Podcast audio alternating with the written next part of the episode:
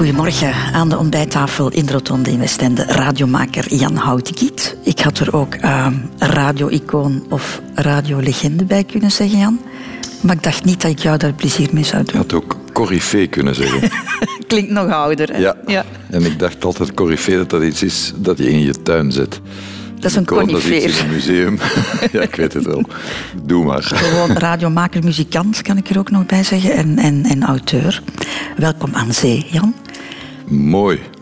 Echt mooi. Ik heb het zicht op zee, jij niet. Nee, nee, ik zit met mijn rug naartoe. Ik geniet ervan. En de zee uh, zet aan tot verhalen vertellen. Dus dat gaan we de komende twee uur doen. Ja. Radio 2. De Rotonde met Christel van Dijk. Jan Houtekiet, op een rotonde moet een mens een afslag nemen. Dat kan niet anders. In het leven moet je dat ook doen. Afslagen nemen. Alleen staan daar niet echt richtingaanwijzers, jammer genoeg. Je moet je het zelf uitzoeken. Hoe is voor jou die zoektocht geweest? Ik heb maar een paar keer het gevoel gehad dat ik een afslag moest nemen. Voor de rest is het een redelijk continu, is het altijd rechtdoor geweest, denk ik. Een autosnelweg. Ja, recht, ja rechtdoor. En, en je kruist dingen. En dan, ik heb er altijd wel een punt van gemaakt, onbewust eigenlijk, dat ik niet uh, iets nastreefde of het, of het gevoel had op een bepaald moment, ik moet nu iets helemaal anders gaan doen. Ik heb het wat laten gebeuren. En dat maakt dat ik uh, een aantal mensen heb ontmoet of, in, of vragen heb gekregen een aantal keren is iets mijn pad gekruist en dan ben ik meegegaan. Dus het een volgde uit dat het ander. De afslagen werden lichtjes gedwongen door het uh, kruisende verkeer, zal ik maar zeggen. Ja, nu, we gaan heel veel terugkijken vanochtend, uh, Jan. Kan jij dat goed? Doe je oh, dat nee. graag? Zeg dat het niet waar is. Toch? Ja, ik, vind dat, ik, kan, ik ben daar niet zo goed in. Ik, ik heb een, een legendarisch slecht geheugen. En ik kijk liever vooruit. Mm -hmm. Zeker op in deze fase van het leven waar ik een beroepsloopbaan aan het afronden ben. Dan denk ik vooral aan wat komt er nog allemaal. Ik ben, ik nieuwsgierig naar wat er voor mij ligt. En minder naar wat er achter mij ligt. Maar, ja.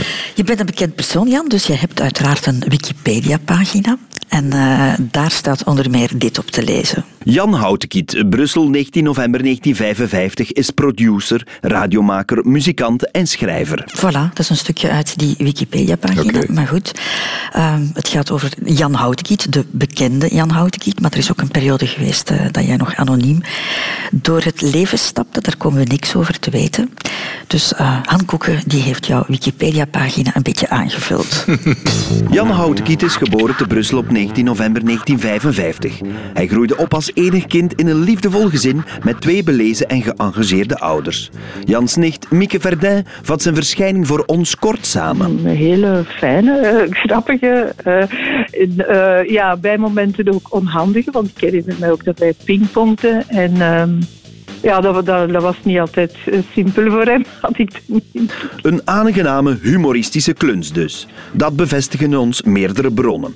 Zo ook gewezen radiocollega Johan Hogewijs. Hij offerde zich dan op om in een vergadering koffies te gaan halen voor iedereen. En kwam dan, ging naar de cafetaria, kwam dan terug met een plateau met twaalf koffies. En hij was nog maar net de kamer binnen of hij struikelde of mispakte zich en twaalf uh, koffies tegen de grond. Maar behalve door zijn onhandigheid viel jonge Jan vooral op als baken van rust, getuigt Karel Vereerbrugge, ex-medebandlid van Stewball, de groep waar ook Jan deel van uitmaakte. Altijd kalm, iedereen mocht zenuwachtig zijn, maar Jan had alles onder controle. En door die rust slaagde Jan erin om zich als cumulkoning van de VRT te kronen. Zijn job op de radio combineerde hij met tal van bands, weet Johan Hoogwijs. Dat was een paar uur weg, dan deed hij soms twee optredens per dag, dus dat was gigantisch hoeveel hooi dat hij op zijn vork nam. Slapen is iets voor als je dood bent, luidt het motto van Jan, vertelt collega Johan. Ik heb die zelden weten, uh, ja, doen of zo. Dat was eigenlijk, ja, een gast die altijd maar doorging en doorging. En ik, ja, ik snap het ook niet hoe dat hem dat deed allemaal. Uh. Dat rustige Jan ook het nodige gevoel voor humor bezit, zal niemand verbazen.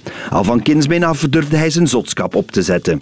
Ook liet Jan zijn travestietneigingen dan de vrije loop, getuigt zijn nicht Mieke lachend. Verkleed uh, als ofwel patje en matje, ofwel als uh, twee chique dames, want Jan was dan ook in dame verkleed. Jan zijn vrouwelijk kantje kon je vroeger ook opmerken in zijn haarsnit. Uh, zijn haar was wel langer toen. Uh, en, uh, en een ronder brilletje dan nu.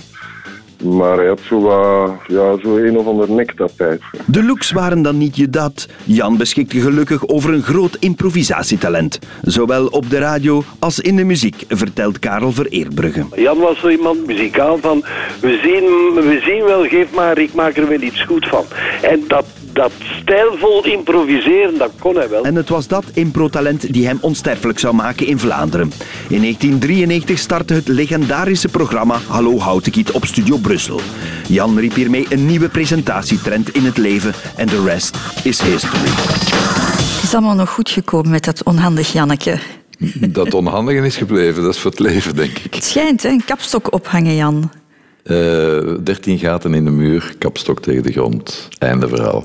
Ja, het is ook een, eh, een goed excuus om aan dat soort verplichtingen te Ik heb, ontsnappen, eh, natuurlijk. Het geluk, en ik heb ze daar niet op geselecteerd, maar ik heb het geluk van een extreem handige echtgenote te hebben. Die dat liefdevol overneemt van mij. En die mij verder ook verbiedt om enige klussen te doen in huis. De Rotonde.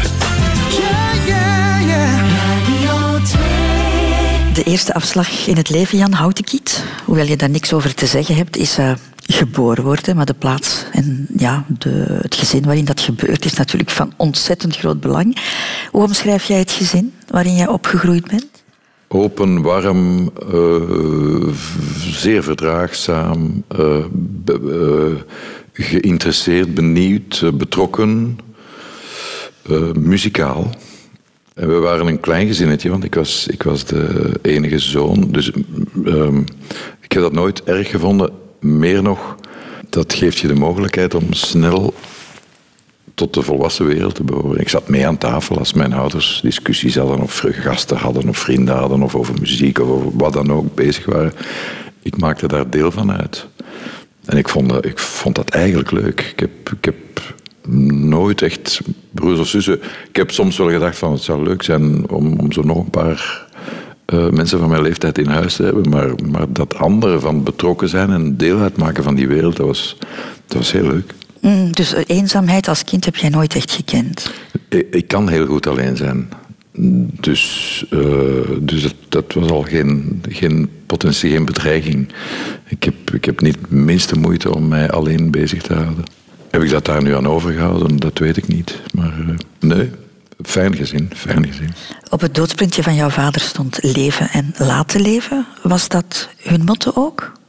Wel, ehm, eh, eh, dat is zo'n moment in het leven waar de begrafenisondernemer die de rouwbrief moet maken, die zegt dan, en wat was het motto van uw vader? Daar zit je dan. Je bent die man net kwijtgespeeld en, en dan moet je ineens een motto gaan verzinnen.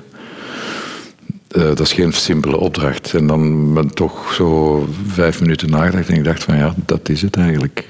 Genieten, genieten van het leven. Het leven echt een volle eh, opnemen, maar ook anderen dat genot laten. Ja, we, laten we verdraagzaam, laten we samenleven, laten we verdraagzaam zijn voor hoe andere mensen hun leven leiden. En laten we het le- en, en in de hoop dat ze dan ons ook met rust laten in ons leven. Ja, zoiets. En trokken ze die lijn ook naar, naar jou door, Jan? Heb jij veel vrijheid gekregen binnen dat gezin? veel vrijheid. Als ik nu bedenk wat die ouders van mij mij allemaal hebben laten doen. Ja, vanaf mijn 12, 13, 14 jaar eh, was dat uitgaan en naar de jeugdclub en gaan muziek spelen. En, en daar, was, daar werd niks over gezegd van. eh, er wordt wel in het begin een, een uur opgeplakt. Maar voor het overige was dat, ja, doe maar en zorg dat je morgen terug bent. Zelfs dat werd niet gezegd, daar werd, op vertrouwd. Dus ik heb ontzettend veel vrijheid gekregen en ik heb ze niet al te veel misbruikt. Je hebt nooit moeten rebelleren thuis of je afzetten tegen bepaalde Absoluut dingen. niet. Meer nog, eh, in het kader van een programma onlangs eh, moest ik eens nadenken, was een van de vragen, wat was je eerste singeltje? Ja, dat eerste singeltje heb ik van mijn ouders gekregen. Niet omdat ik met popmuziek bezig, mijn eerste popmuziek singeltje. Het was als ik, toen ik zes jaar was, legde zij een, stukje popmuziek. En ik was daar niet mee bezig. Dat was niet mijn wereld, want ik, ik speelde wat klassiek piano. Eh, dus zij hebben mij eigenlijk op dat pad gezet en zij hebben mij daar in aangemoedigd, of vooral laten doen. Nu, conflicten zijn niet altijd slecht, hè? Daar leer je ook uit, hè? Ja, dat is waar. Ja, dan Je heb ik iets gemist, omgaan. blijkbaar, volgens jou. Nee, nee, maar ik, ik vraag me af, je moet dat ook leren, hè, met conflicten omgaan. En, en hoe, hoe is dat dan geëvolueerd in jouw latere leven? Wel, ik, heb het, ik ben geen held. Eh, ik, dus ik zoek het conflict om te beginnen niet op. Als ik het conflict zie aankomen, dan probeer ik de diplomatie of ergens in, de, in het behang te verdwijnen. Ik, ja, ik, ik, ik vind dat tijdverlies. Terwijl, als je het wel beschouwt, is een conflict, ja, een conflict, een goed conflict is gezond. Eh, dat moet je durven hebben en daar leer je van en, en daar kom je sterker uit allicht. Maar ik heb dat niet opgezocht. En ik nog altijd niet. Ik ga, ik ga er nu ook niet meer aan beginnen. Het is te laat. Nee, maar je bent ooit baas geweest, je hebt een leidersfunctie gehad. Je bent onder meer baas geweest van, van Radio 1. Was dat dan jouw zwakste kant? Allicht. Eh, nu, als er een conflict was, dan, dan, eh, dan nam ik mijn verantwoordelijkheid wel. Dan deed ik, en dan liet ik dat niet liggen. Dus dan ging ik dat wel oplossen. Maar misschien, achteraf beschouwd, liet ik het soms zover komen dat het conflict... Ik ga altijd uit van... Ja, ver- daar kom je weer op dat vertrouwen, dat je mensen vertrouwen geeft, dat er ja, een soort gezond verstand heerst en dat mensen toch proberen door dezelfde deur te blijven kunnen en, en dingen te laten. En soms lukt dat niet. En dan denk je van, had ik dat nu, had ik sturender moeten zijn van bij het begin. Ik hou wel van, ik, ik heb het zelf ook, en daar ben ik heel dankbaar voor. Eh, met name Jan Schoukens, bij wie ik eh, mijn hele Studie Brussel-periode als programmamaker heb meegemaakt. Dat was soms een best sturende baas. Maar als ik, als, ik dat, als ik daar terug naar kijk, die heeft mij ontzettend veel laten doen. Gewoon laten doen. Geen, geen bemoeienissen, geen doe maar op. En zo leer ik heb het gevoel dat je zoveel meer leert dan als je moet gaan vechten voor je plek. Dat, dat interesseert me niet. Ik ben daar te, ben daar te lui voor om te vechten. Kan ik zeggen, Jan Houtenkiet, dat jij in een vrij intellectueel gezin bent opgegroeid? Het klinkt nogal bekakt als je het zo zegt. Ja? Maar mijn ouders zijn allebei. Hoe zou jij het dan omschrijven?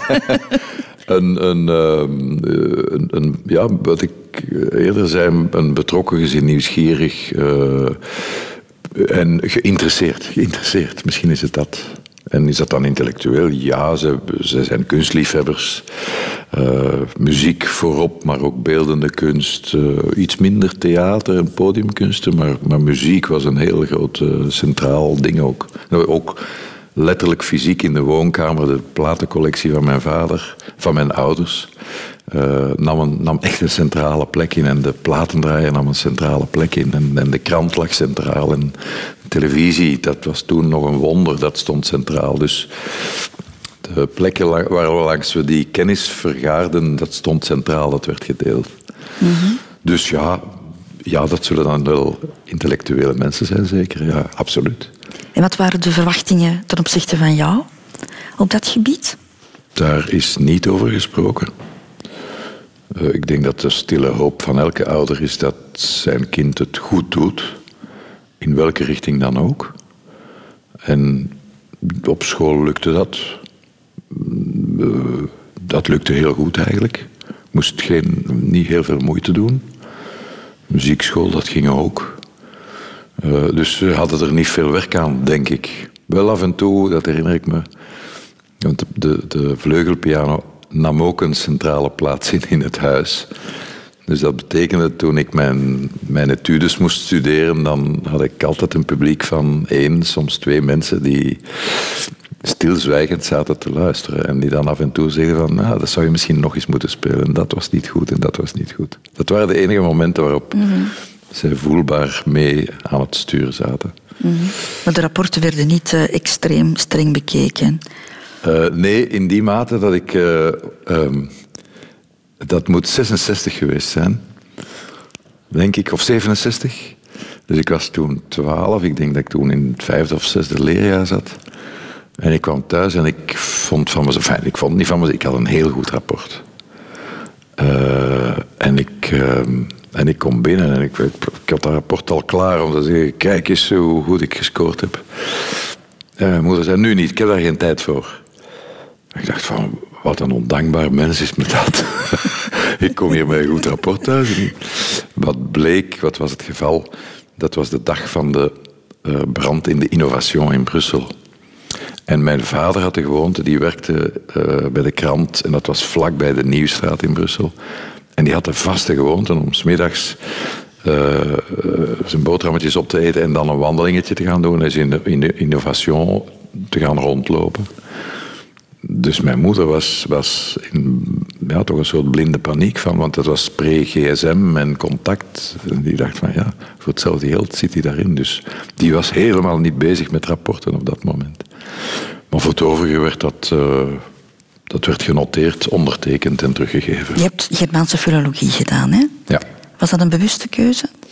Dat was een keuze door eliminatie, uh, maar ook bewust dus ik had alle andere opties, geneeskunde, rechten, economie. Uh, ik was naar al die, dat, dat heette toen abituriëntendagen. Dat was eigenlijk een, ja, een soort informatiedag. En uh, bij alles was er toch iets van, ja, dat is misschien niks voor mij. En door eliminatie kwam ik dan bij filosofie of talen. En ik was toen al graag met taal bezig, dus dat was niet toevallig. En ik denk en daar, daarom ben ik ook wel blij dat ik dat gedaan heb. Uh, Germaanse filologie of talen is een heel brede vorming. Dat is geen vakvorming. Dat is een brede vorming mm. waar je nog alle kanten mee uit kan. Dacht ik. Bij Germaanse filologie, dat onderwijs maakt toch een heel groot deel uit van de beroepsuitweg. Maar daarvan wist ik dat ik daar niet, niet de beste zou voor zijn. Maar je hebt het gedaan toch? Je hebt toch even in het onderwijs Heel gestaan? even in het onderwijs. Lang, net lang genoeg om, uh, om te weten dat dat toch misschien niet mijn ding was. Waarom om te niet? weten wat je kan overkomen. Waarom niet? Gebrek aan geduld, denk ik. Gebrek aan geduld en misschien wat angst voor routine. Want ja, je ziet daar wel bij uitstek de seizoenen passeren. En er komen wel elk, elk jaar nieuwe leerlingen, maar dezelfde stof moet je toch op een of andere manier herhalen. Maar de, de grootste traumatische ervaring is ongetwijfeld de dag dat ik voor een, uh, ik denk dat het een secretariaatsklas was, dus er waren dames van 18, 19, 20 jaar. Dat is een hogere opleiding. En ik was 23. En ik, uh, ik stond iets uit te leggen en iets te noteren op het bord. Dat was nog het, het goede oude bord met krijt en al. En ik kwam onderaan het bord en ik moest door mijn knieën gaan om de laatste regels te schrijven. En uh, ik had die dag een uh, vloeren of ribfluwelen broek aan, die net iets te versleten was om nog aan te doen voor een klas. Die is een snee van 40 centimeter. Dus deze jongen stond in zijn onderbroek voor een klas van giechelende meiden. En toen wist ik van, nee, dit niet. Radio 2. De Rotonde. Over de afslagen van het leven. De keuze voor de muziek, Jan Houtkiet, daar hebben we het al een paar keer eh, over gehad. Op je achtste ga je al naar de muziekschool. Hè? Had je er zelf om gevraagd? Dat denk ik niet. Uh, mijn ouders hadden vastgesteld, wij gingen geregeld op bezoek bij een, uh, een, tante van mijn vader. En die had een buffetpiano staan. En het was hen opgevallen dat ik daar nogal graag op trommelde. En ze vonden, ik kan dat, daar zijn geen bewijzen meer van, ze vonden dat dat enige interesse in muziek uh, in weer klonk. Maar goed, dat was toen het vaste systeem. Je, je moest dan op je acht jaar naar de muziekschool één jaar notenleer doen. Mm-hmm. Waar al heel wat mensen afhaken? Waar veel mensen afhaken, begrijpelijk. Dus ik begrijp ook niet dat dat systeem zo lang stand heeft gehouden. Nu is men daar uiteindelijk uit van... Je moet, het is toch zoals je een taal leert spreken. Je leert die, een, een kind leert toch een taal door te proberen en door die te Mhm. spreken en, en dat te verbeteren. En niet door eerst uh, een jaar door, door gramma grammaticale regels. Dat is net hetzelfde. Dus nu is men daar eindelijk tot dat inzicht gekomen dat je kinderen moet zin geven in muziek spelen. Maar toen was dat één jaar noten leren en dan mocht je een instrument beginnen. Maar het was niet dermate traumatisch dat ik denk van... Uh, het heeft mij zeker de zin niet ontnomen om, om te beginnen spelen. En het bleek al snel dat je er talent voor had. Viel jij meteen op in die muziekschool? Uh, dat weet ik niet, maar dat ging wel vlotjes. En, uh, en ik mocht dan meedoen aan wedstrijden. Want er was toen, die bestaan allicht nog, zo van die wedstrijden die georganiseerd werden. Dus het moet wel zijn dat, dat ze de indruk hadden dat ik dat wel goed deed. Dat competitieve lag mij minder. Ik, vind dat, ik, heb, een, eigenlijk een beetje een dubbele verhouding met muziekwedstrijden. Ik vind bijvoorbeeld de Koningin Elisabeth-wedstrijd, ik vind dat eigenlijk een fantastisch ding. Ook hoe dat zichzelf heruitgevonden heeft. Alleen het concept wedstrijd en muziek spelen, dat wringt een beetje bij mij. Muziek speel je niet onderbest. Muziek speel je omdat je het gevoel hebt dat je dat moet spelen en dan hoop je dat daar een publiek van kan genieten. Dus dat wedstrijdelement is ook een beetje de reden geweest dat ik uiteindelijk van mijn klassieke... Ik heb die helemaal afgemaakt, die klassieke opleiding, maar dan zo nog een stapje verder gezet en toen ben ik afgehaakt. Ik, uh, dat, ik weet het nog, ik, ik, stond klaar om op het podium te gaan. Dat was in de, denk in de Stadschouwburg in Leuven. Klaar om op het podium te gaan. Ik heb tegen mijn lerares gezegd, nee, ik doe het niet. Is het echt? Ja. Ja, het was een moeilijke etude, voor mij een moeilijke etude van Chopin. En ik voelde mij er, ik was ook niet al te best voorbereid. Ik voelde mij wat ongemakkelijk. En ik heb toen echt gezegd van, nee, ik doe het niet. En dat was het einde van jouw klassieke carrière. Ja, in, ja, ja. Ik was toen ook al met andere dingen bezig. Ah ja, want vanaf je dertiende ben je al aan het spelen in allerlei groepjes. Hè? Ja. Dus die keuze heb je snel gemaakt om naar dat podium ja, maar het te gaan. Of, of. Uh, ik hoop, ik heb door, door een toeval, wij moeten uh, over, over enkele dagen moeten we de openingsceremonie van het academisch jaar van de VUB spelen, Patrick Rigel en ik. En daar komt ook een danser. En de, de organisator van, die, uh, van het evenement vroeg mij: Ah ja, die danser heeft muziek nodig, kun jij die dan ook spelen? Ik zeg: Ja, het hangt er een beetje vanaf wat. Ja, ik zal hem vragen wat hij wil. En dan kwam het antwoord: Ja, hij zou graag hebben dat je de eerste zeven Goldberg-variaties van uh, Johann Sebastian Bach speelt. Ik zeg, ik denk niet dat ik 50 jaar na het afronden van mijn pianoopleiding daar nog toe in staat ben, maar ik wil het een kans geven. En ik ben eraan begonnen.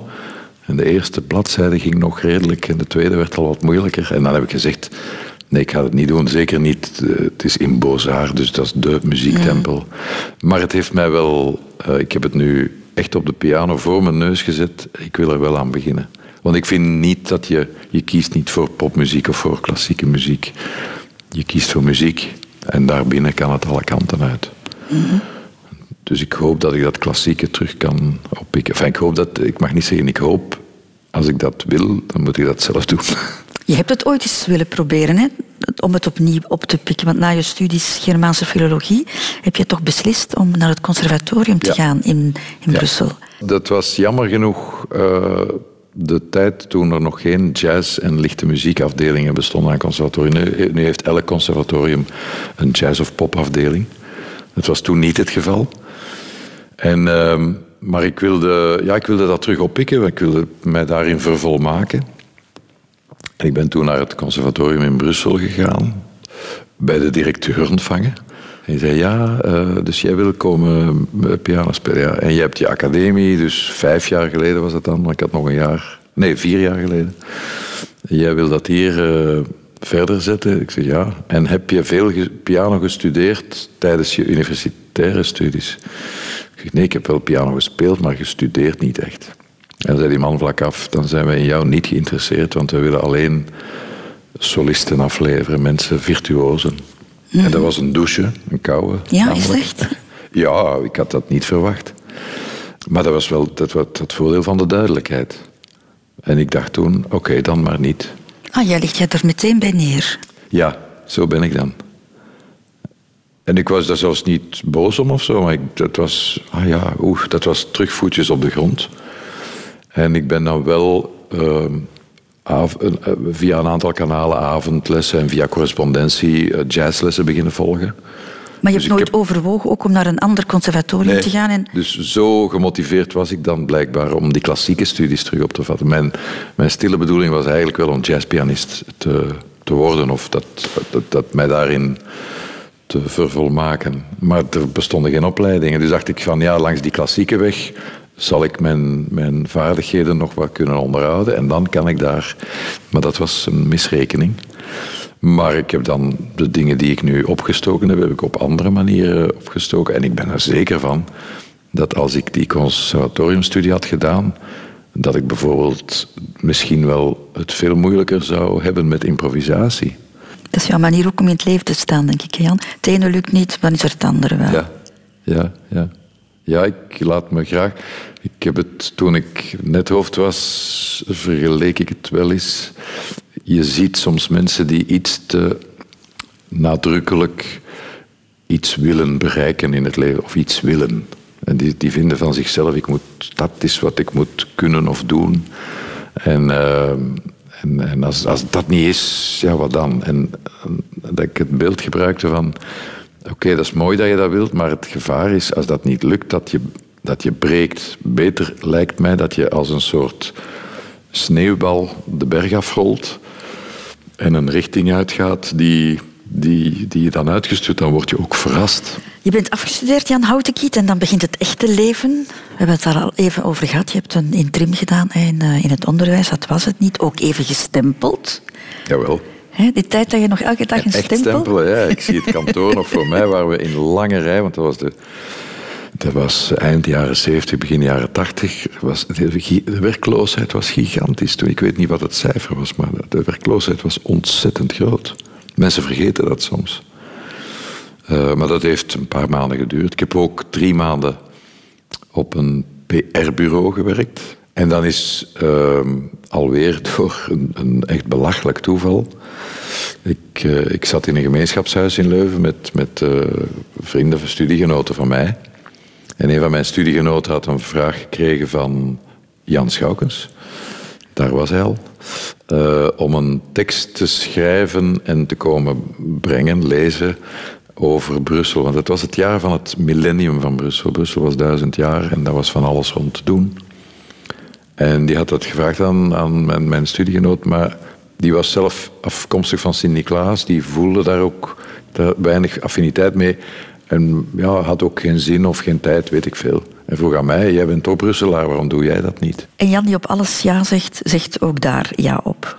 Ja, en dat ging in dat geval net iets makkelijker omdat het Brussel was. En ik, ik, ben, ik ben Brusselaar, ik was niet, ik ben Brusselaar. En ik dacht van, ah, ik, ja, daar wil ik wel, de tanden inzetten. Dus ik heb dat gedaan, ik heb die tekst geschreven, ik ben die dan gaan brengen. Dat was in een proefprogramma in Flagey nog. En dat was leuk. En dat was, in dat programma herinner ik me zat ook Toet Stielemans. Dus voor mij was dat een held. Ik, was al alleen daarom al heel blij dat ik uh, samen met Toet Stielemans in een programma had gezeten. En, uh, en de week erna kreeg ik telefoon of ik een, uh, een programma wilde presenteren. Een muziekprogramma, een avondprogramma. En was dat zo het, het, het licht dat uit de hemel kwam van yes, dit is eigenlijk... Oh, nee. Wat, nee, ook zelfs... Dat was ah, leuk, ja, tof. Ja, waarom niet? Het was muziek, het was radio. Ik was wel... Ik, ik luisterde graag radio, dus ik, had, ik vond dat fijn medium wel. En ik... Ja, dat ook zo, de magie was toen nog van de radio. De radio was iets dat geen gezicht had. Hè. Dat was iets dat ergens gebeurde in een studio. Maar je had geen flauw besef van wat dat was en hoe die mensen eruit zagen en bijliepen. Dus, uh, dus dat, was, dat waren allemaal, allemaal indicatoren van ja, fijn, ik wil dat wel doen. Het gaat over muziek en het is s'avonds, ja, leuk. En, uh, en dat is enorm meegevallen. Uh, ik zat echt, die eerste uitzending, je hebt natuurlijk een beetje zenuwen wel, maar ik zat daar meteen op mijn gemak. Maar dat typeert jou ook wel, hè Jan? Je hebt nooit stress, hè?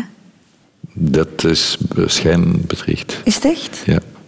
Ja, ik ben wel een, ik ben wel een stresskip. Maar ik zal het niet veel tonen, denk ik. Het is ook geen verscheurende stress. Het is een positieve stress, denk ik. Uh -huh. Maar ik word wel gejaagd door de stress. Ah, toch? Jawel. Maar de radio was toch maar even een kort leven, hè? Want je bent daar toch... dat was inderdaad de kortste carrière ooit, denk ik. Want ik... Uh, ik deed mijn eerste programma en dat was nog als losse medewerker, dus ik had geen contract of zo. Ik deed mijn eerste programma En we, dat was een avondprogramma, we deden dat met twee of drie presentatoren in een roulement. En de, voor mijn tweede programma, een paar dagen later, kom ik kantoor binnen om dat voor te bereiden. En een collega van mij die daar zat, kijkt, kijkt verbaasd op en ziet mij binnenkomen en zegt van, wat kom jij hier doen? Ik zeg, ik kom mijn tweede programma voorbereiden. Uh, hoe? Weet je dat dan niet? Ik zeg, weet ik wat dan niet? Dat was natuurlijk allemaal pre-gsm en e-mailtijden. Je bent ontslagen. Wat? ja, je bent ontslagen. Dus wat, wat was het geval? De productieleider van toen had dat eerste programma gehoord. Uh, dat was, ik mag zijn naam noemen, Elias Gistelink, een uh, componist, uh, ja, toondichter en productieleider ook. En, en die vond dat maar niks. En die had aan de producer gezegd van, jongen, wat je daar binnengehaald hebt, dat wordt niks buiten. Maar die had, mij dat, die had de kans niet gehad om mij dat te zeggen. Dus ik kwam binnen in de overtuiging dat ik mijn tweede programma ging maken. En ik zeg, ah ja, ik ben dan terug afgedropen. Ik ben maar, dan maar terug naar huis gegaan.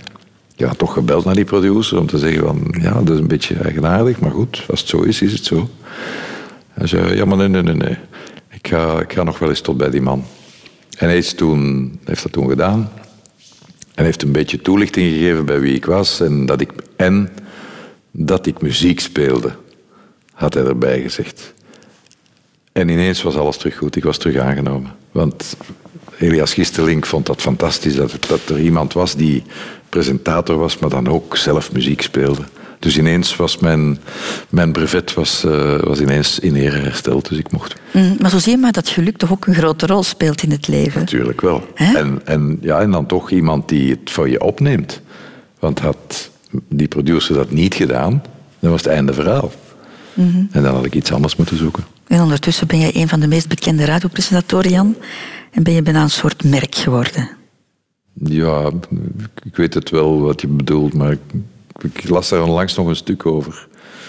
Ik weet niet welk. Uh, dat was naar aanleiding van Heiko Duister, die ook nog eens. Uh, uh, denk op een festival of zo, het oude Duister-programma van Studio Brussel gaat doen. En dan werd er ook verwezen naar dat is een merk. En, ik was dan ook een merk.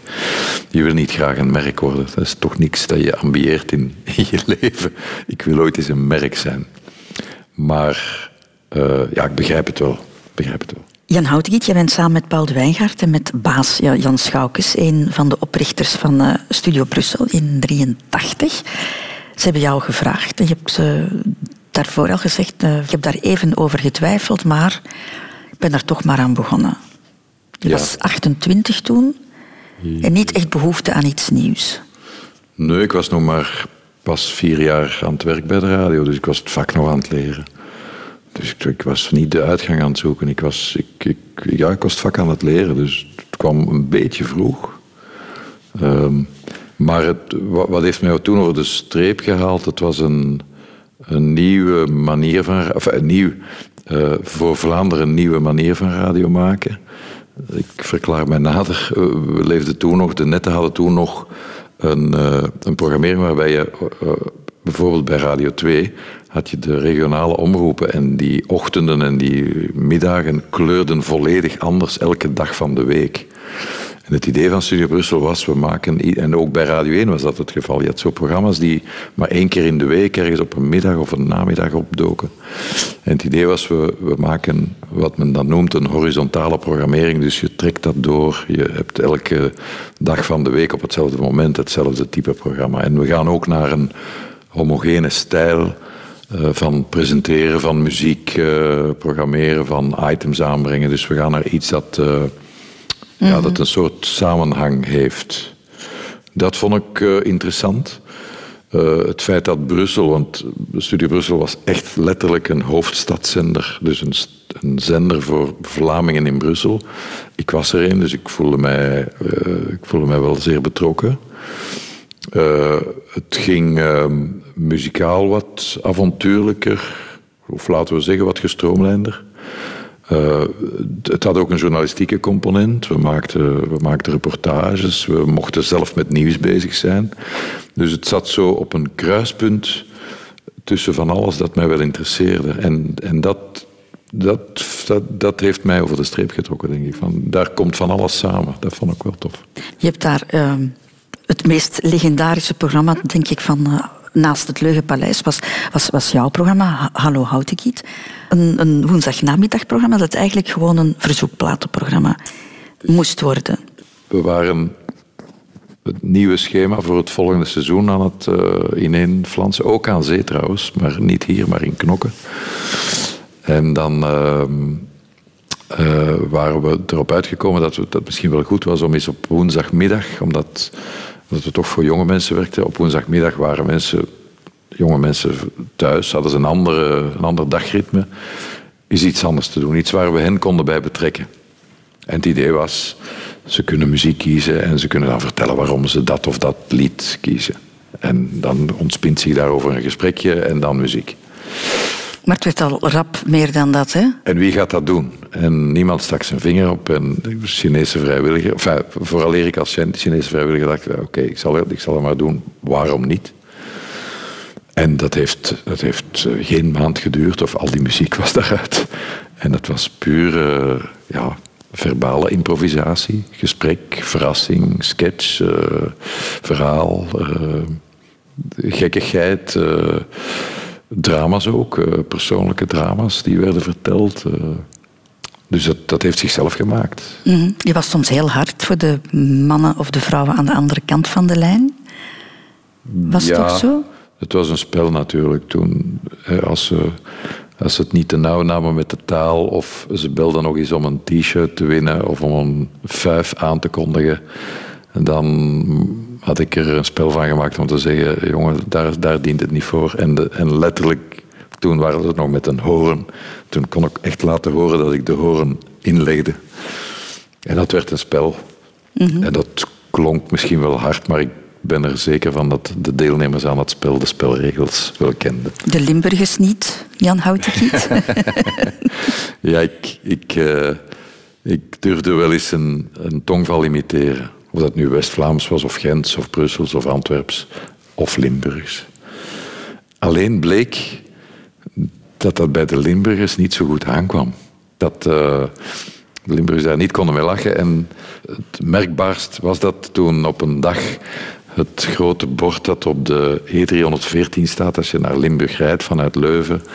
Uh, dat een heel gastvrij bord eigenlijk, heel mooi. De, Limburg. de Limburgers heten nu welkom.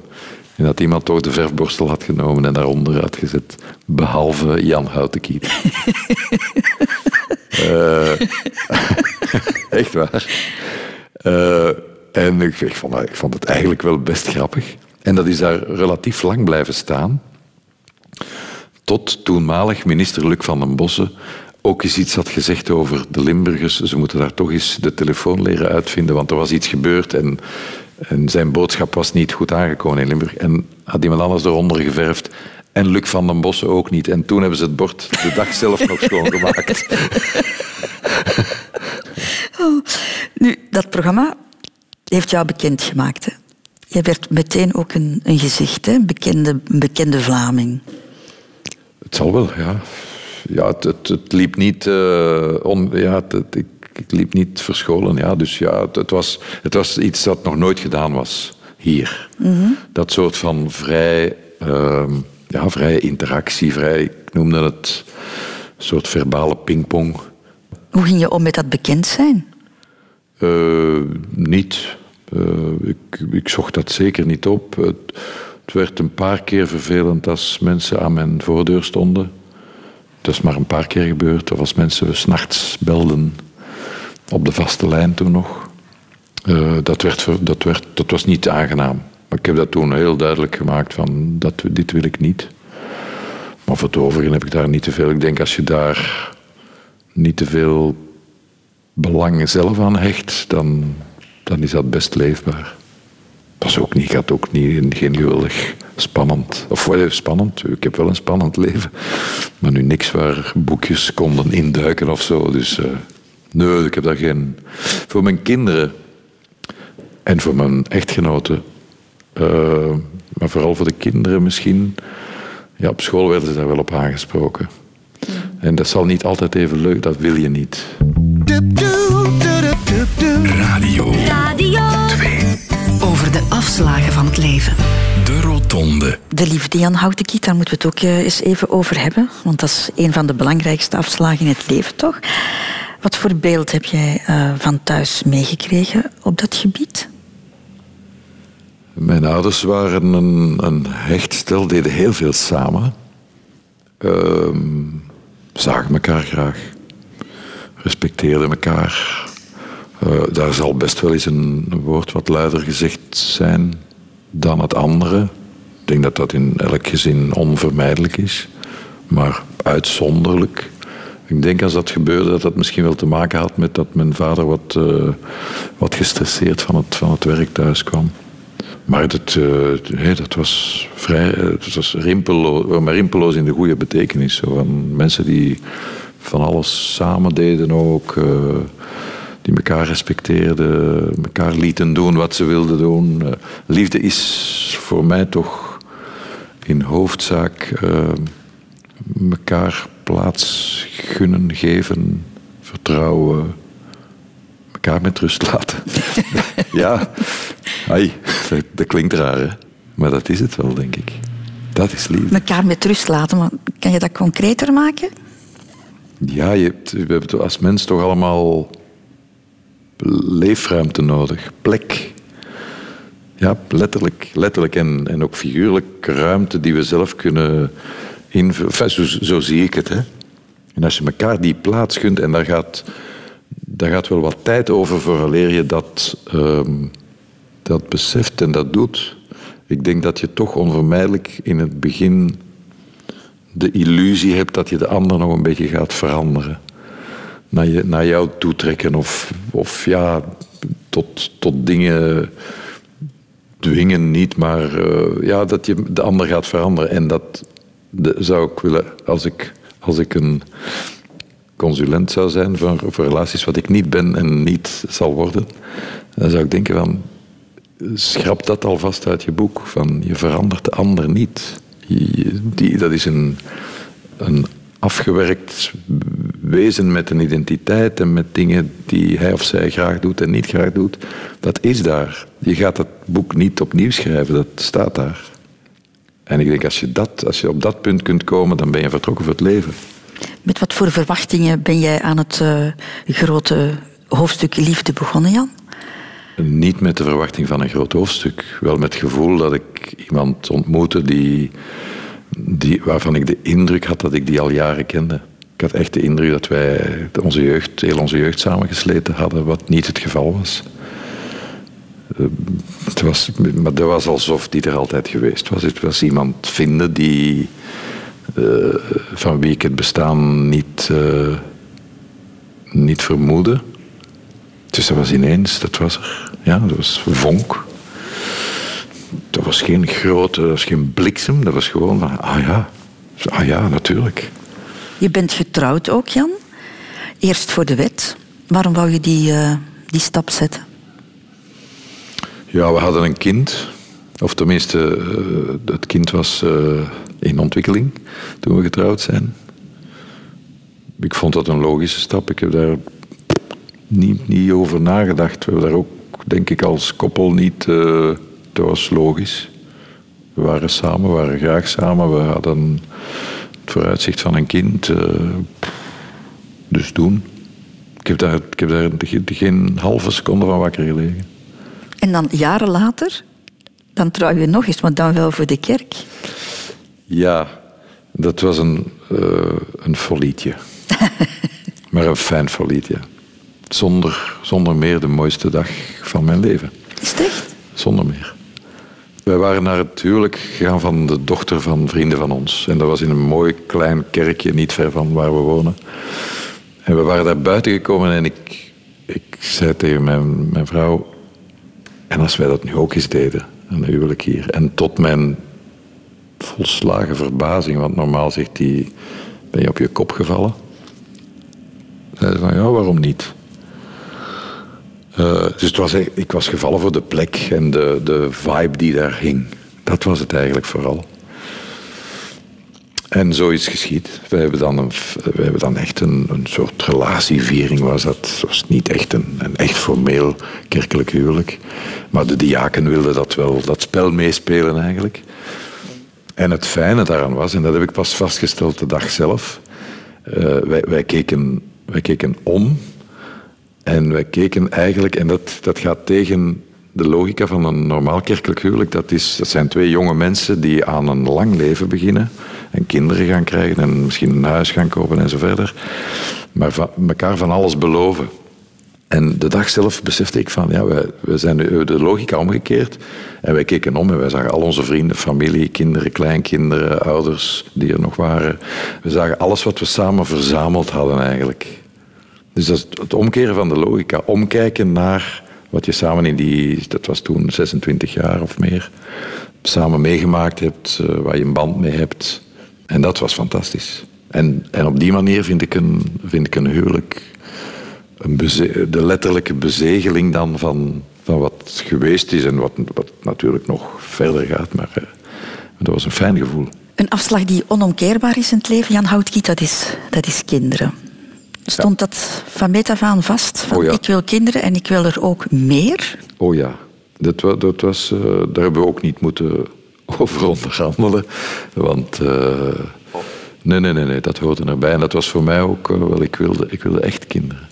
Dat was, geen, dat was een, zoals ze soms zeggen, een no-brainer. Daar moest ik niet over nadenken. Ik wilde kinderen. Ja. En al, al, al van jongs af aan? Of, of, of Ja. wanneer- ja?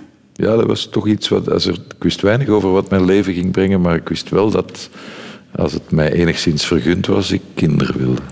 Ah, dat zeg je zo vergund. Jij vond dat een geschenk, bij wijze van spreken. Van dat... Ja, ja je, moet, eh, je bent niet alleen als je kinderen wil. Hè. Je moet wel een partner vinden waarmee dat klikt en je dat samen wil. En dat vind je niet altijd. Dus ik heb het geluk gehad dat ik dat wel gevonden heb en, en dat we het daar snel over eens waren dat we kinderen wilden. Toen je koos voor, voor jouw vrouw, eh, Jan, koos je meteen ook al voor een verantwoordelijkheid. Hè? Want jouw vrouw had al een dochter uit een vorige relatie. Ja, eh, dat, was, dat kwam erbij. Dat was deel van het pakket en ik heb daar niet de minste moeite mee gehad. Omdat ik ook, ja, ik, ik ben graag met kinderen bezig. En zij was toen drie, drie, vier misschien. Voor haar was dat natuurlijk, ja, eh, wie is dat nu ineens die in haar leven komt? Maar we hebben het snel met elkaar gevonden. Ik, ik vond dat ook misschien wel fijn om ineens een verantwoordelijkheid te krijgen voor iets wat ik toch op termijn wilde. Eh, dus dat is, dat is redelijk vanzelf gegaan. Dus ik ben van toen ze drie was, eh, dus heb ik samen met haar geleefd. En ik heb haar uiteindelijk ook geadopteerd, omdat ja, we waren. Ik was, haar, ik was niet haar biologische vader, met wie de relatie heel goed is. Eh, maar ik was toch voor. Ik deed haar naar school en ik was met haar bezig. Dus ja, zij, was, zij, zij is mijn dochter. Het heeft jou nooit beangstigd. Ik zou denk ik schrik hebben van ga ik die rol wel goed kunnen vervullen. Het kan mislopen. Ehm, in ons geval is het grote geluk dat de ex-partner van mijn vrouw dat ook in volle vertrouwen heeft, eh, ons alle vertrouwen heeft gegeven, daar niet op gewogen heeft, eh, niet het conflict gezocht. Ook toen ik haar adopteerde, eh, daarin is meegegaan. Dus dat is eh, heel groot respect voor hoe hij ermee is omgegaan. En het is dankzij, als je natuurlijk in een conflict situatie, dan, dan wordt dat een heel ander verhaal. Dat is heel soepel gegaan. En vond je dat belangrijk om die stap tot adoptie te zetten? Zij vond dat ook belangrijk. En ik, en ik van de weeromstuit ook wel. Omdat, ja, ik had, we hadden drie kinderen samen. En je wil ook dat die kinderen dat het, e- dat die evenwaardig kind zijn van dat gezin. Dus ik vond dat een soort eh, gelijktrekking van... Maar, maar meer dan dat, het was... eh, affectief was dat ook wel goed voor haar. Zij, zij vond dat ook wel leuk. En ik vond het ook... eh, ben heel blij dat ik dat gedaan heb. Een blijk van waardering toch ook, hè, Jan? Ja, ja, ja, ja. Hè? Ja, hè, van, je, je hebt het goed gedaan. Hè? Ja, ja, ik zeg het, zij is mijn dochter, punt. Ik bedoel, niet mijn exclusief bezit, want ja, de biologische vader, die is er en daar heeft ze heel veel contact mee, dus daar, daar kom ik ook niet in tussen. Dus we, alweer wat we eerder in dit gesprek zegden, van dat vertrouwen, elkaar plek gunnen en de zaken laten, laten evolueren zoals ze evolueren, dat is zo belangrijk. En, en, en daar, win je, daar win je veel meer mee dan met het opzoeken van conflict. Je hebt drie kinderen. Ja. Het gezin was compleet. Na, derde, na, de, na de derde dochter. Of na, de, na de derde, het derde kind, hè? want je hebt twee dochters en een, en een zoon. Ja. Wel ja, eh, het gezin was compleet. Eh, we hebben ook eh, een flinke inspanning geleverd voor dat laatste kind. Dus dat, eh, dat, was, dat was goed, ja. Het was goed. Het gezin was, het was een mooi gezin. Ik denk dat drie is vandaag ook een, een redelijk gemiddeld aantal kinderen. In mijn eerdere dromen waren dat er misschien wel vijf, maar god, maakt niet uit. Het is drie. Ik ga jou wel meenemen naar de uitgang, Jan Houtgiet. De allerlaatste afslag van het leven en dat is de dood. Yes. Ja, hoe kijk jij daarnaar? Nauwelijks. Wel beseffende dat, eh, omdat ik genoeg in, mijn, in onze vriendenkring, eh, met name de, de boezemvriendin van mijn echtgenote, ehm, is overleden toen ze, ik denk, 62 was. Dus iets jonger dan ik nu ben. En heeft nauwelijks een jaar van haar welverdiende pensioen kunnen genieten.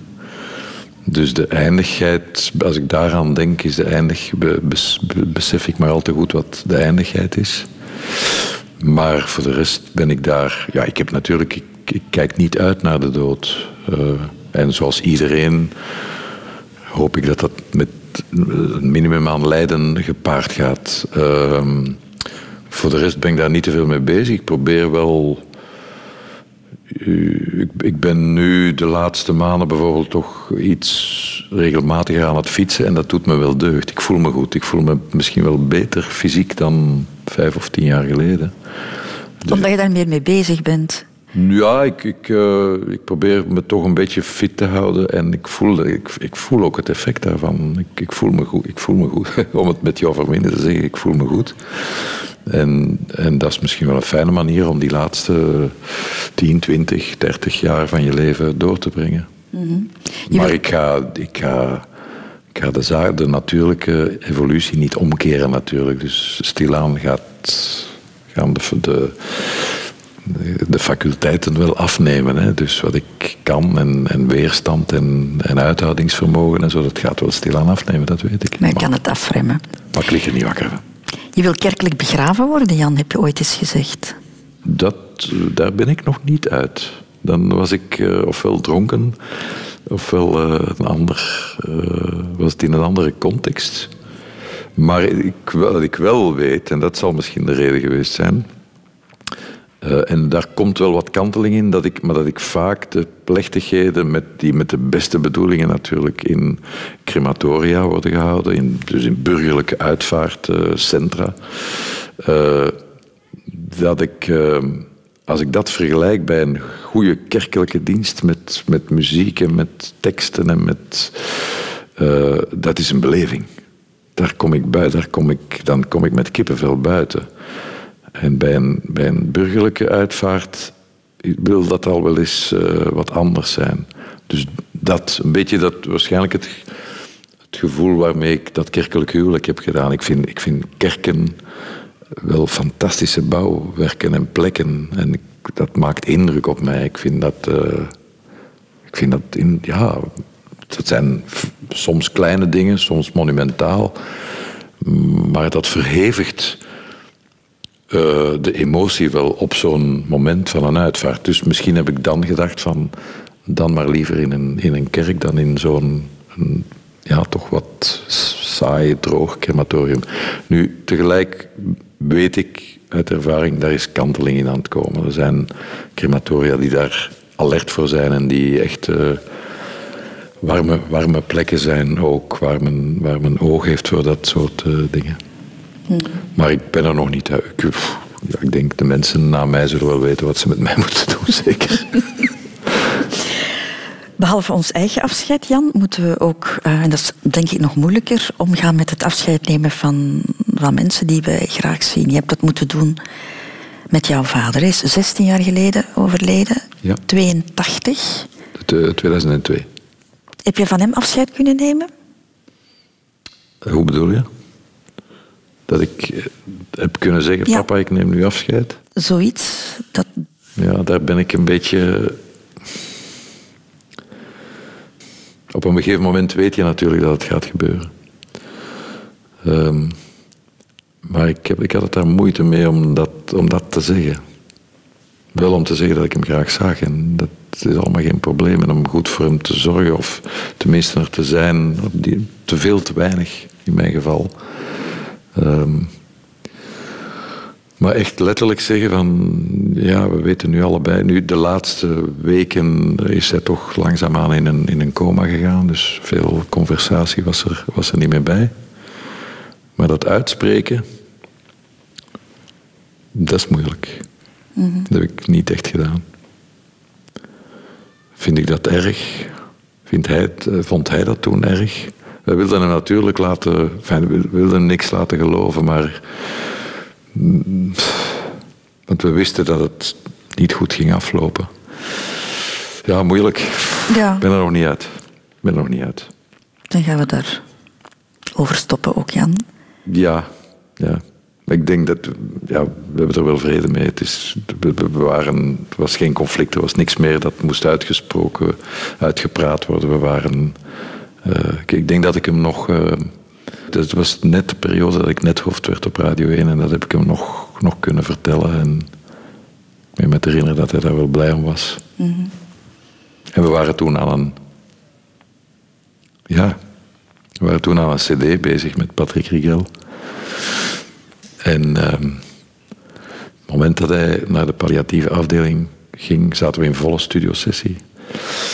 En ik ben toen, eh, de dag dat we hem daar naartoe gebracht hebben, moest ik naar de studio. En ik ben toen in die studio gekomen. Ja, ik was compleet van mijn melk.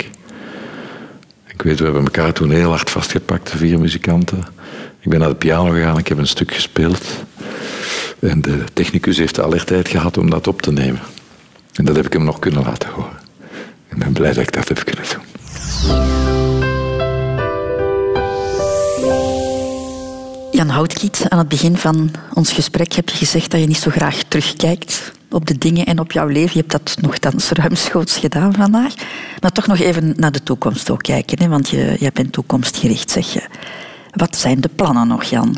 Geen. Zoals ik ook nooit plannen gemaakt heb. Ja, ik denk wel dat het klopt wat ik nu zeg. Ik heb echt nooit plannen gemaakt. Ik ben ja, letterlijk van het een in het andere gerold. En dat is een fijn gevoel. Dus denk ik, waarom zou ik nu van strategie het wapen van schouder wisselen? Eh, ik ben mij zeer bewust van de fase van het leven waar ik in ben en dat ik moet genieten van dat leven. Eh, en van de mensen die ik nog rond mij heb. Eh, dat, dat bewustzijn is hoger dan, dan 50 of 20 of 40 jaar geleden. Maar voor het overige maak ik geen plannen. Blijf ik muziek maken, blijf ik mij engageren. Ik, ik ben nu sinds een paar maanden voorzitter bij Sabam. Daar is werk te doen. Ik vind dat wel boeiend, interessant om daar mee aan te kunnen helpen. Ik zit nog in een paar eh, culturele organisaties vooral. Ehm, dus dat vind ik wel leuk om te doen. Dus dat ga ik niet. Ik ga wel de, eh, sommige dingen waarvan ik denk, ja, dat heb ik nu gedaan, dat rond ik af. Dus ik ben wel wat iets selectiever. Maar vooral die muziek zal toch wel eh, heel prominent aanwezig blijven, omdat ik daar zoveel energie uit haal en plezier aan blijf. En misschien ook leren kapstokken ophangen, Jan. Kan een nieuwe uitdaging laat. zijn. Dat is vrees ik te laat. De kapstokken zijn opgehangen. Dus ik denk niet dat ik daar een tweede carrière in aanbied. Jan, ik vond het heel fijn om met jou te ontbijten. Boeiend verteller, nog altijd een van de mooiste stemmen natuurlijk op de radio, die we zullen missen. Weinig verdienst aan. Laatste nog, nog één ding zou ik van jou willen vragen, iets eh, in mijn gastenboek te schrijven. Eh, je bent er je bewust van dat ik een verschrikkelijk doktersgeschrift heb. Dus ik, dat ga je niet kunnen lezen, dat weet je. Maar jij gaat het voorlezen. Ik zal ehm een poging doen. Hoe begin je zoiets? Het zal een cliché zijn. Heeft ooit iemand al Lieve Christel geschreven? Waarschijnlijk wel. Dus ik ga iets anders doen. Maar wat dan? Beste Christel, dat is zo afstandelijk, hè? Dat is ouderwets ook, hè? Allee, lieve Christel dan maar. Lieve Christel. En ook, of je het nu graag hebt, Christel of niet, lieve Veerle en lieve Eva, want dat zijn jouw lieve collega's. Met wie we dat programma gemaakt hebben. Met wie ik keer de hele ochtend heb mogen doormaken. Jullie hebben mij met zachte, met zachte hand gedwongen om terug te blikken, welwetende. Dat is lelijk Nederlands, hè, welwetende. Maar goed, dat ik dat haat. Ik zet het nu allemaal een beetje. Toch zijn deze afgelopen twee uur met zicht op zee de uren die ik mij nog lang zal herinneren. Wacht, ik ga eindigen met, als je het niet erg vindt, een stuk tekst van Maggie McNeil. Ik wil terug naar de kust. Heel ongerust. ja, ik weet niet of het uh, helemaal klopt met het gastenboek, maar. Zoek ik de weg naar de kust? Bijna niet bewust. En nu wordt het raar. Nu moet jij mij eens uitleggen wat zij bedoelt daarmee. Bijna niet bewust van de dreiging dat daar mijn jeugd voorbij ging. Wat bedoelt ze daarmee? Je weet het ook niet, hè? Wel, ik ook niet. Dikke, dikke zoen. Jan.